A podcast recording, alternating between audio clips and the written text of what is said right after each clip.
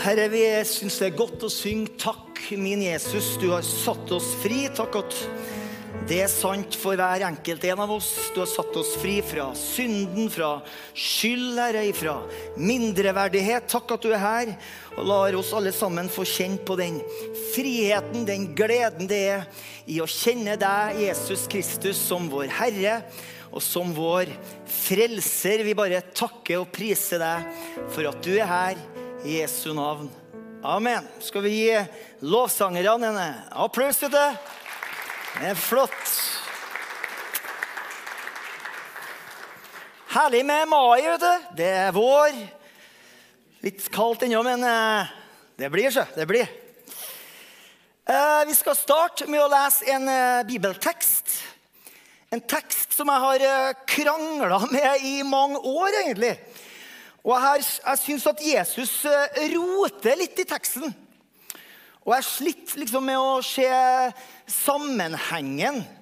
For meg så virker det som om Jesus snakker om eh, tre forskjellige ting uten at det er noe kobling mellom de ulike delene. Og det syns jeg er litt rotete for min del. Inntil det gikk opp et lite lys for meg for en liten stund siden. Så i dag er det en stor glede for meg å gi deg del av det lyset. Vi skal se i Lukas 17.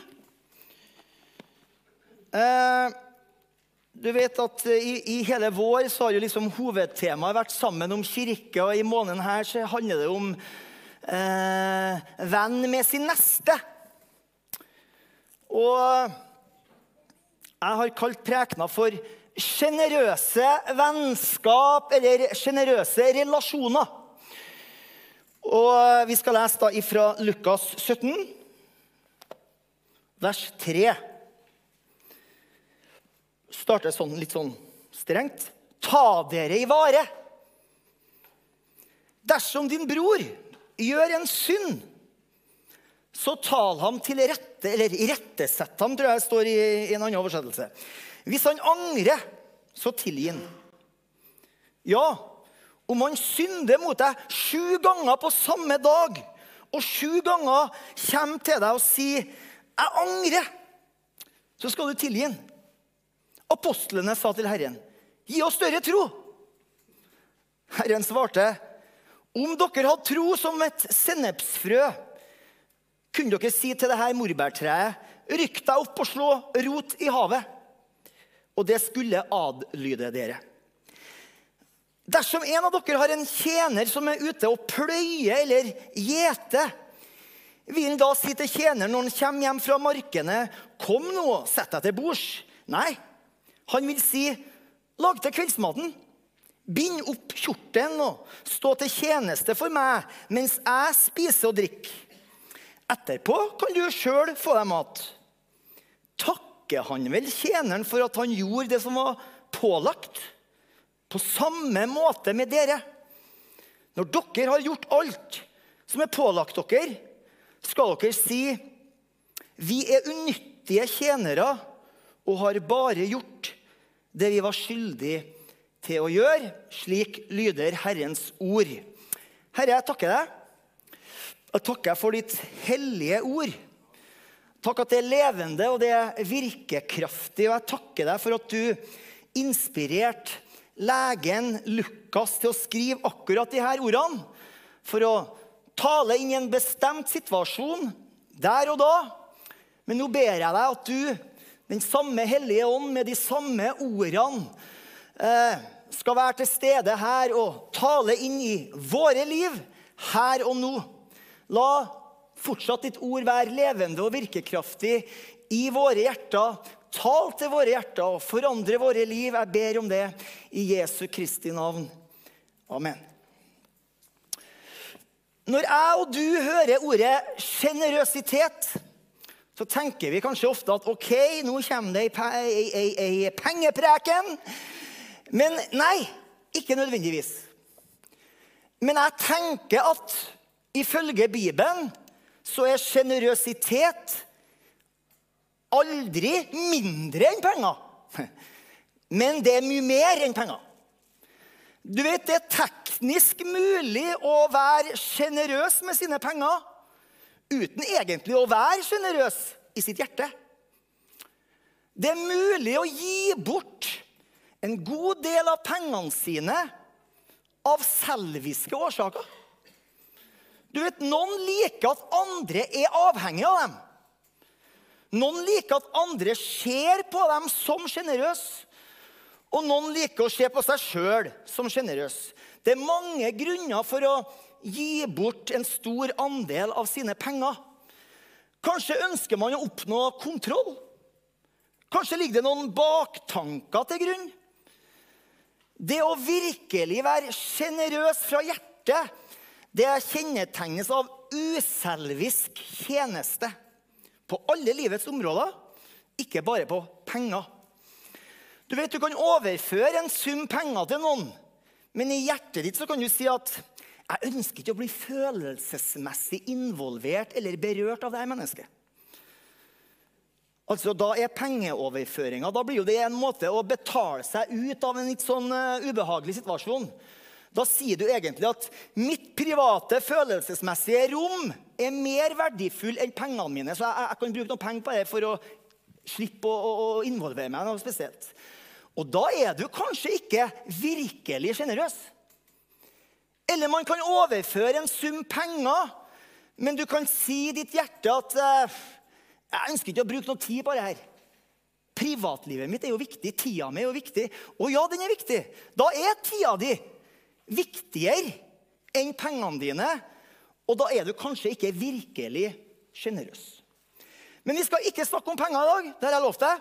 Vi skal snakke om sjenerøse relasjoner og vennskap. Det fins mange mennesker som er veldig sjenerøse med pengene sine, ganske sjenerøse med tida si. De stiller opp frivillig, men likevel ikke sjenerøse i sine relasjoner. Så hva betyr det å være relasjonell sjenerøs, for å bruke den termen? da? Jo, jeg tenker at Det perfekte eksempelet i Bibelen det er det som skjedde noen timer før Jesus gikk til korset, i en hage som het for Getsemane. Når Jesus sier til dine, sine disipler det her er timen, mitt aller største behov. Alt jeg ber dere, alt jeg ber dere om, det å det holder dere våken og be sammen med meg. Og så sovna de. Og når de våkna, hva sa han til dem da? Liksom, 'Jeg skjønner ikke at det går an.' Nei, han sier ikke det. Det han sier, reflekterer det jeg vil kalle for relasjonell sjenerøsitet i den spesielle situasjonen. Han sier ånden er villig, men kjødet er skrøpelig. sin. Så på en måte så, så sier han at du er svak, du svikta meg, men samtidig så sier han ånden er villig. Det er som om Jesus sier, jeg vet, jeg vet at du ville det godt. Jeg vet at du prøvde. Det er relasjonell sjenerøsitet. Han hogger ikke hodet av dem, som jeg og du kom til å gjøre.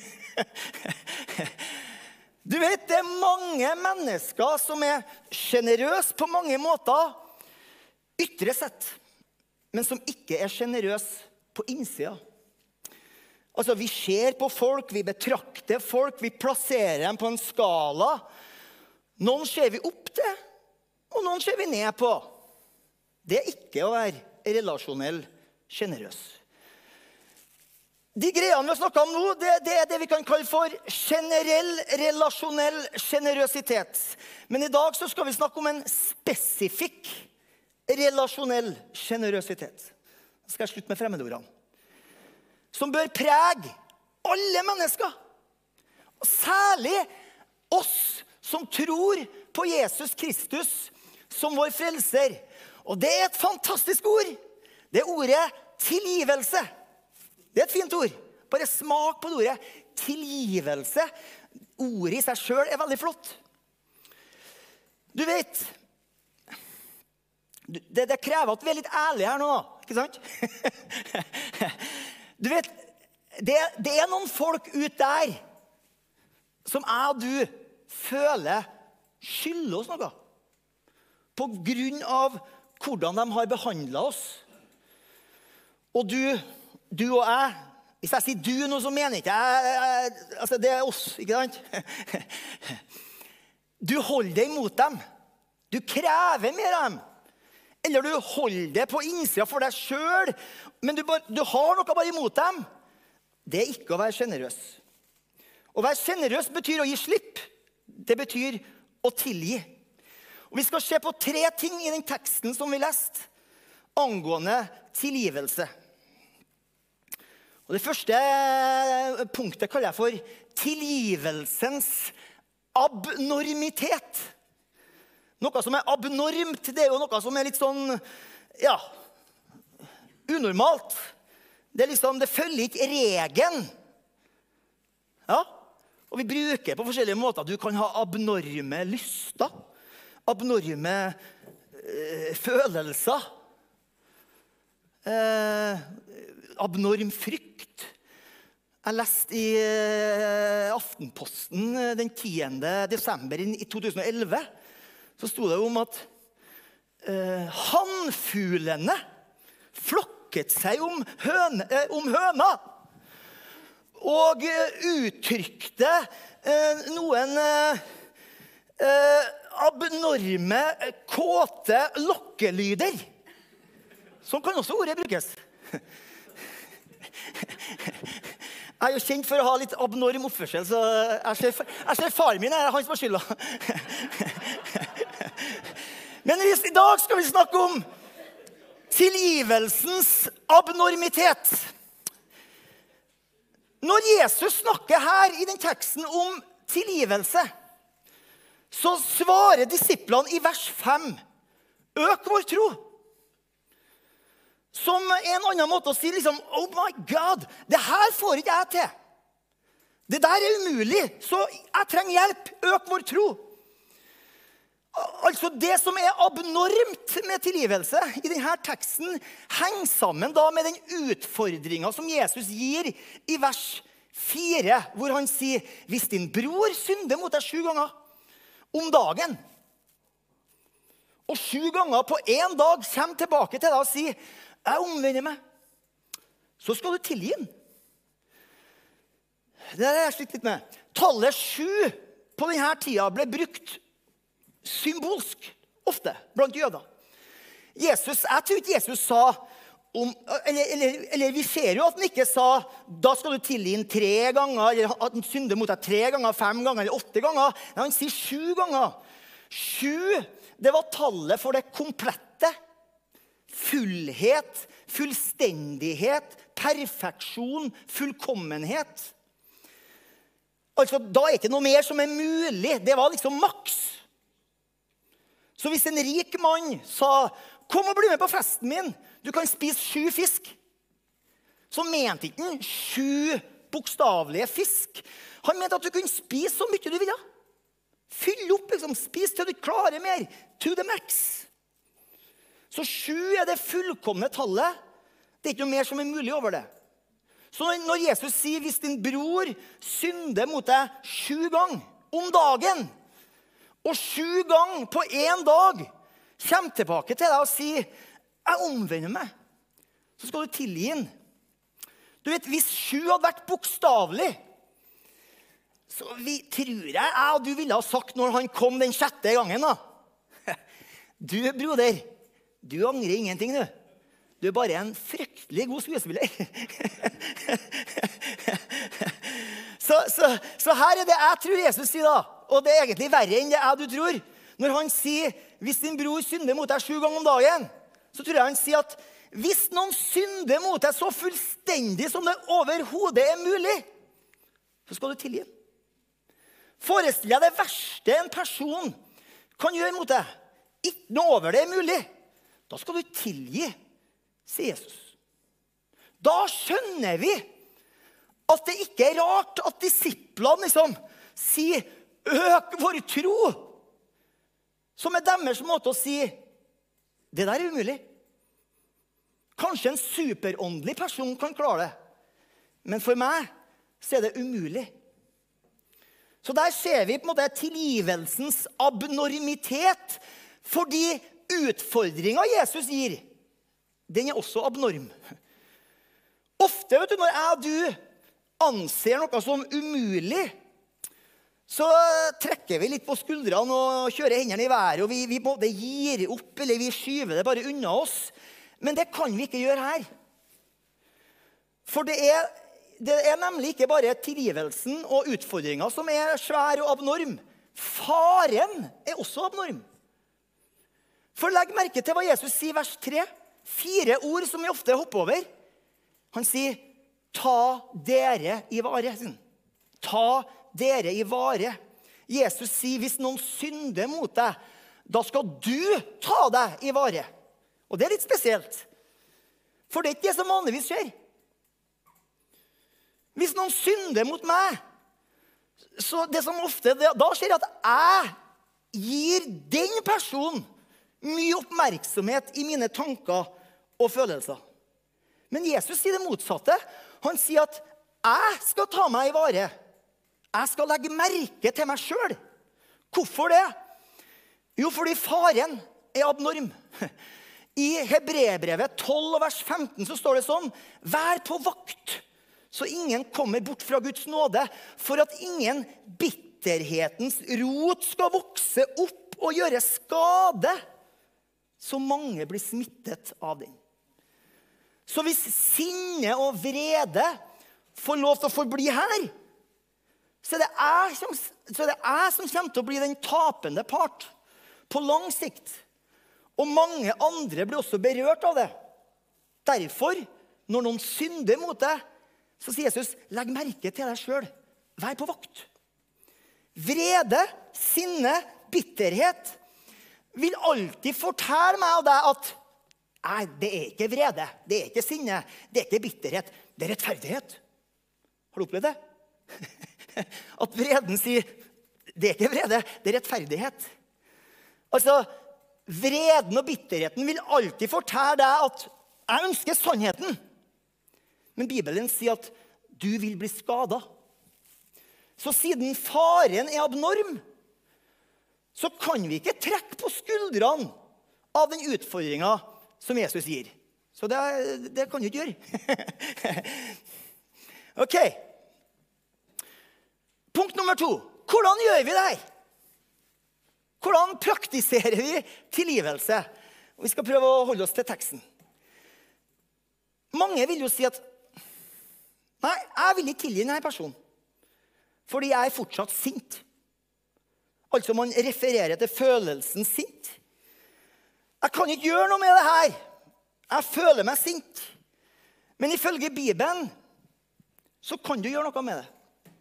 Ifølge Bibelen så blir tilgivelse gitt før den blir følt. Tilgivelse blir praktisert før den blir følt. Og det er tre ting tre ting du må gjøre for å unngå å skade deg sjøl, som Hebrebrevet sier. Tre ting. Nummer én høres litt sånn strengt ut. Slutt! Slutt med å lage en karikatur av synderen. Istedenfor så må du identifisere deg med den. Du vet, du vet, Hvis noen synder mot deg, så er det lett at vi vektlegger det umenneskelige ved det mennesket. Eh, men Jesus sier, 'Hvis din bror synder mot deg' Altså, hvis noen synder mot deg, husk at den personen, han er bror din. Altså, Vi er alle i en felles familie, særlig vi som er her nå, da, i en del av et kristen fellesskap. Men hvis vi løfter det på et større nivå Vi er alle i den samme familien, menneskeheten. Altså, Vi må se hva vi har til felles med han som synder imot oss. Det er en som har sagt at tilgivelse sliter når jeg i mitt hjerte ekskluderer min fiende fra menneskehetens fellesskap. Og samtidig så ekskluderer jeg meg sjøl fra, øh, øh, fra fellesskapet av feilbarlige mennesker. Jeg skal prøve å forklare det. Du skjønner, du må minne deg på at du også er feilbarlig. Du kan ikke ekskludere deg fra den klubben, for den klubben er du en del av. om du vil eller ikke. Du vet, Det er vanskelig å bli kvitt bitterheten hvis du føler at du er litt bedre enn dem. Hvis du tenker at 'Nei, jeg ville aldri ha gjort noe sånt'. Og ja, kanskje du aldri ville ha gjort noe som var eksakt sånt. Men fordi du er med i klubben av feilbarlige mennesker, så kan du faktisk gjøre noe sånt. Å forbli bitter, det å påstå at du har en høyere moralsk natur enn de andre. Du vet, Når, når noen har løyet til deg, så er det lett å tenke om den personen at han er en løgner. Men hvis du sjøl lyver, så, så sier du ja, det var feil av meg. Men du må forstå at det er litt komplisert. Altså, ikke lag en karikatur av synderen. Identifiser med en fordi vi er medlem av samme klubb. Vi er alle feilbarlige mennesker. Det andre det er at du må i ditt indre avsi deg retten til tilbakebetaling. Du må betale gjelda sjøl. Ja, skal jeg forklare. Det ordet som Jesus bruker her, som er oversatt tilgivelse Og han kunne ha brukt mange andre ord, men bruker akkurat det her. Det er et ord som av og til brukes om å sette en person fri fra økonomisk gjeld.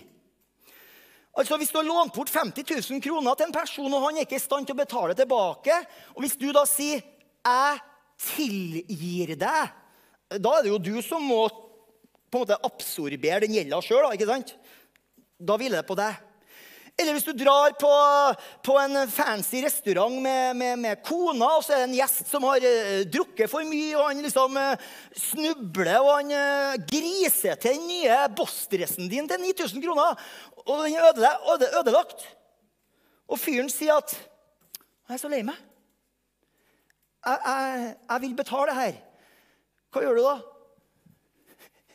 Problemet med sånne illustrasjoner er at jeg, jeg vet ikke hva du skal gjøre. Jeg skal ikke fortelle deg hva du skal gjøre. Det er ikke det som er poenget. Poenget er at hvis du sier det er greit, du kan få lov til å betale dressen, ja vel, da er det han som betaler. Men hvis du sier det går bra, ikke tenk noe mer på det her, ja, da er det du som betaler. Skylda forsvinner ikke. Enten betaler han, eller så betaler du. Så hvordan tilgir du? Du kan bare tilgi hvis du i ditt indre avsi deg retten til tilbakebetaling og betale gjelda sjøl. Og så er det sånn at De fleste synder er ikke økonomisk. De som synder mot deg, de stjeler vanligvis gleden din, ryktet ditt, mulighetene dine. Hva betyr det da å få den personen til å betale tilbake, hvis det er det du er ute etter? da? Jo, den enkle versjonen er jo at de skada meg, så nå skal jeg skade dem. De såra meg, jeg skal såre dem. Og det er tre måter å gjøre det på. Den første måten er å gjøre det veldig direkte, hvor du faktisk prøver å såre dem. Og du prøver å trampe på dem. Den andre metoden er litt mer eh, undercover, litt mer sånn indirekte. Du går til andre mennesker. Sprer litt rykter, prater litt, sladrer litt, kritiserer litt. Men den mest vanlige metoden er ikke å gjøre det åpenlyst og direkte, men du gjør det inni deg. Du er på en måte slem med dem på innsida. Du minner, du minner deg sjøl hele tida hva de har gjort. Du nærer den følelsen. Og du spiller denne videoen i hodet ditt, hva som har skjedd om og om igjen. Og hver gang du hører at det går dårlig med dem, så er det litt, litt sånn tommel opp i hjertet. Du føler det litt godt når det går dårlig for dem. Fordi du føler at de betaler ei skyld til deg. Og På kort sikt så kan det sikkert føles ganske bra, fordi du ser på det som en slags tilbakebetaling. Men på lang sikt så er det jeg og du som blir skada. Ta dere i vare. Vær på vakt, sier Jesus. Du vet, hver gang du gir slipp og velger tilgivelse, så koster det deg noe. Det gjør vondt. Fordi all form for sjenerøsitet er sånn. Hvis du virkelig er sjenerøs, så gjør det vondt. Gir du nok penger bort, så gjør det vondt. Og sånn er det også med tilgivelse. Hvis den er hvis den virkelig er sjenerøs, så gjør det vondt. Men på lang sikt så gir det frihet. Sier jeg nå at du aldri skal konfrontere og bare gi slipp? Nei, jeg sier ikke det. For teksten vår sier faktisk at hvis din bror synder mot deg, så irettesett ham, står det. Så det står ikke at du ikke skal fortelle at det her var feil. Du vet, Det er ikke kjærlighet å la folk gjøre hva de vil det da. Og kanskje du tenker yes, endelig kom det her punktet. Yes, Irettesett, det liker jeg. Amen. Ja, Men da har du dratt det litt for langt igjen, da. For det finnes en parallelltekst til denne eh, teksten i, i Matteus 18. og Der står det at hvis han hører på deg, da har du vunnet din bror. Det sier litt om hensikten til irettesettelsen. da. Hensikten er opprettelse, ikke selve irettesettelsen i seg sjøl. Og, og, og, tenk på det her da, Hvis du ikke i ditt indre har tilgitt den før du går og rettesetter den, hvorfor går du til den da? Jo, da går du jo for å rettesette. Ikke sant? Men hvis du har tilliten på forhånd, da går du og rettesetter den for opprettelse. Jeg har møtt en del mennesker som har sagt 'Jeg vil tilgi'. Nei, de har sagt 'Jeg vil ikke tilgi'. Jeg vil ha rettferdighet. Men når du går for å få rettferdighet, så er ikke det du får. Du får hevn. Og det er noe helt annet. Det tredje rådet er at du må ønske det beste for synderen. Du må ønske det beste for synderen. Du kan ikke si 'jeg tilgir, men jeg vil ikke se ham'. Jeg vil ikke ha noe mer med ham å gjøre. Da sier du egentlig at ja, jeg avstår ytre sett fra å såre dem, men du ønsker ikke at de skal lykkes og blomstre i livet. Da har du ikke tillit til dem. Da er du ikke sjenerøs i dine relasjoner. Ta deg i vare. Vær på vakt. Kanskje du tenker greit, Kristian. Nå vet jeg at dette er viktig, og jeg har fått noen tips om hvordan jeg skal praktisere det. Eh, men jeg er fortsatt der at det, det her er ikke noe som jeg får til sjøl. Da er du heldig. For Jesus svarer på det. Han svarer på det her etter at disiplene har strekt hendene i været og sagt det der er umulig. Øk vår tro. Og Da kommer vi til det jeg kaller for nøkkelen til tilgivelse. Han svarer fra vers 6 til vers 10. Først med en metafor, og så en lignelse. Men vi skal ta lignelsen først. Det er, er det disse versene fra 7 til 10 om denne tjeneren og herren og han er ute og jobber. og alt det der. Og Da må vi gå til den historiske konteksten for å forstå hva Jesus sier. De tjenerne han snakker om, Den tjeneren han snakker om, han var ikke en slave, sånn som vi er vant med å bruke ordet slave. Men han var heller ikke en ordinær ansatt. På denne tida, hvis du havna i økonomisk gjeld hvis du skyldte mer enn det du var i stand til å betale tilbake, så hadde du to muligheter. Det første var at du kunne bli satt i fengsel. Eh, det ser du i lignelsen eh, som Jesus forteller i Matteus 18. Eh, så du kunne bli satt i fengsel, og da råtna du der, og kanskje du døde der. da. Men hvis det fantes et snev av nåde og barmhjertighet, så kunne du arbeide for kreditoren. Og Du kunne betale ned på gjelda ved å jobbe for kreditoren. Det kunne være ett år, to år, tre år. Og Bibelen setter jo en grense på sju år. Men da var det en måte å nedbetale gjelda istedenfor å gå i fengsel og råtne der. Så i den situasjonen, på slutten av en lang arbeidsdag, så kunne du ikke liksom bare slenge deg ned på sofaen for du var egentlig aldri ferdig med jobben før gjelda var nedbetalt. Og du ville aldri forvente at kreditoren, altså herren i huset, skulle si liksom 'Tusen takk. Å, det har vært til stor hjelp.' Nei, for liksom, situasjonen var jo egentlig motsatt. Tjeneren gjorde sin plikt. Og ved at kreditoren lot den gjøre det her, så var det jo det her måten for å unngå fengsel og råtne der. Så gjør Jesus det geniale. Han snur det på hodet da, i vers 10. Så sier han til disiplene, slik er det også med dere. Når dere har gjort Det dere er pålagt, skal dere si. Vi er unyttige tjenere. Vi har bare gjort det vi er skyldig til å gjøre. Når du har gjort det du har blitt bedt om, inkludert det å tilgi, så skal du si jeg bare gjør det jeg er skyldig til å gjøre. Eh, det er en greie som foregår i Lukasevangeliet. Det er en slags mekanisme som gjentar seg flere ganger. Du finner det i Lukas 7, Lukas 18, Lukas 15, hvor Jesus har en slags eh, diskusjon, en slags disputt med fariseerne. En fariseer det, eh, det er en selvrettferdig, religiøs person. Og Det verste eksempelet finner du i Lukas 18 om fariseeren og tolleren som står og ber, hvor fariseeren sier til Gud, 'Gud, jeg takker deg for at jeg ikke er som andre mennesker.' Det er spesiell bønn. Jeg er ikke som andre mennesker. Tyver, urettferdige, ekteskapsbrytere. Og så Eller som denne tolleren. Det er gross bønn, da. Og så fortsetter han. Jeg faser to ganger i uka. Jeg gir tiden av alt jeg eier. Hva er det han egentlig sier der til Gud? Han sier at Gud, du skylder meg noe. Du skylder å velsigne meg, siden jeg er så perfekt. Du skylder meg å svare på mine bønner. Altså en selvrettferdig, høymoralsk, religiøs person.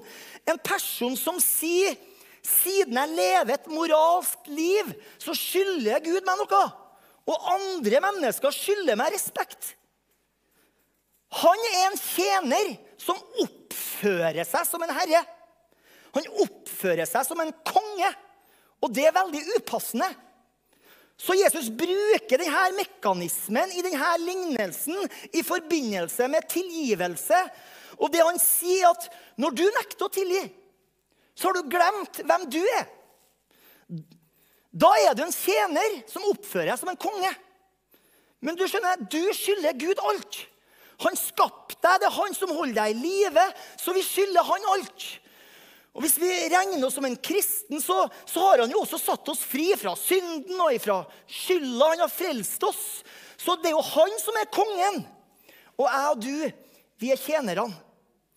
Så hvis du snur deg mot en annen person og tenker eller sier at 'Jeg vil ikke tilgi denne personen for hva han gjorde imot meg', da setter du deg sjøl i dommerstolen, og så sier du at denne personen fortjener det her. Men, men hvordan vet du hva han fortjener? Jeg og du, vi er jo, vi er jo ikke Gud. Du, vi vet ikke hva den personen har vært igjennom.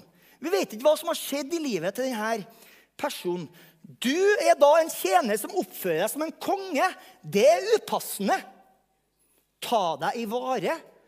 Vær på vakt, sa Jesus. Når da, Jesus, når da, når da disiplene sier 'øk vår tro' i vers 5, så bruker Jesus en metafor. Han sier, 'Hvis dere har tro som et sennepsfrø' Og her tror jeg da at han, han snakker ikke om generell tro. Jeg tror han snakker om tro på ham. Altså, Det handler ikke da om størrelsen på troa, sånn sett. Men det er mer viktig hva du tror på. Så det er ikke bare en, en generell tro som du driver og pumper opp for å, at det skal bli noe mer, men det er tro på Han. Så for meg er det som om Jesus sier at hvis dere bare hadde en bitte liten forståelse av hva jeg har gjort for dere Hvis dere bare hadde en bitte liten forståelse av at du sjøl er frelst av nåde Du vet, Hvis du tror at Gud frelser deg fordi han skylder deg noe, da er du en tjener som oppfører deg som en konge. Det er upassende. Men hvis du forstår evangeliet da vil du være i stand til å tilgi. Hvis du forstår hva han har gjort for deg, da vil du være i stand til å tilgi. Så den eneste måten å komme seg ut av denne misforståtte rollen av å være en tjener som oppfører seg som en konge, det er å se han som virkelig er konge, bøye seg ned og oppføre seg som en tjener, som han gjorde i en annen preken vi snakka om når han vaska disiplene sine føtter. Du vil ikke være i stand til å fullstendig tilgi andre før du virkelig ser Han som døde for deg, for din synd, for å betale din skyld. Du vil aldri slutte med å oppføre deg som en dommer over andre før du ser den virkelige dommeren reise seg fra dommerstolen, komme ned til oss og bli dømt med vår skyld og med vår synd. Han er dommeren som ble dømt. Så hvordan kan vi da sette oss i dommersetet og dømme alle andre rundt oss? Så hvis vi bare hadde en forståelse av evangeliet på størrelse med et sennepsfrø, så vil det hjelpe oss til å tilgi. Jeg skal avslutte med det her. Jeg har lest ei bok en gang om en kvinnelig skuespiller. Hun jobba for en kjent filmskaper. Jeg skal ikke si det navnet, du kan eh, finne ut sjøl. Eh, fordi han hadde en greie med blondiner. Og han ønska å ha sex med hun her skuespillerinna, men hun nekta. Så sa han at hvis du nekter, så kommer jeg til å ødelegge karrieren din. Og det var akkurat det som skjedde. Hun nekta, og han ødela karrieren hennes. Og Hun ble intervjua i New York Times, og de antok jo at hun hata han fyren her. Så de, i, det intervjuet så sier du var vel ikke i hans begravelse? Jo, jeg var i hans begravelse. What? Liksom, var der for å, å spytte på grava til? Nei. Jeg var der for å ære en stor filmskaper. Han ødela min karriere. Men han kunne ikke ødelegge mitt liv. Og det tenker jeg er enda sterkere å si i New York, for der er karrieren livet ditt. Og nå, Jeg vet ikke om hun var kristen, og jeg, jeg vet ikke hva som var hennes liv. da. Men jeg tenker at hvis det ikke er Jesus, da er vi veldig sårbare, alle av oss. Bare hvis Jesus er livet, bare hvis vi kommer oss ut av selvrettferdigheten, hvor vi forstår at vi ikke kan fortjene vår frelse, men at vi var syndere som ble frelst av nåde, da er det han som blir livet ditt. Og han blir kilden til min og din kjærlighet. Og uansett hva folk gjør imot deg, så, så, kan de, så kan de grunnleggende ikke ødelegge deg. Fordi Jesus er livet ditt. Ta dere i vare. Vær på vakt. Bare en sennepskornstørrelse av forståelse av evangeliet vil gjøre meg og deg i stand til å, eh, til å tilgi radikalt og til å leve sjenerøst i alle våre relasjoner. Skal vi be? Herre, du har gitt oss en stor utfordring i dag. Så Derfor så strekker vi hendene i været og så sier vi, Herre, øk vår tro når det gjelder det her. Gi oss en åpenbaring av evangeliet, de gode nyhetene. La oss se tydelig og klart at du steg ned for å løfte oss opp, for å løfte alle mennesker opp. Av nåde er vi frelst, står det. Og med den nåden så ønsker vi å møte alle mennesker. Herre, og vi vet, det, vi vet at det er vanskelig, og vi vet at det kan gjøre vondt. Men Herre, gi oss et glimt av deg på det korset. Øk vår tro. Og øk vår tro når det gjelder det mest grunnleggende i evangeliet, så denne verden kan bli berørt av din nåde og av din tilgivelse i Jesu Kristi navn. Amen. Amen.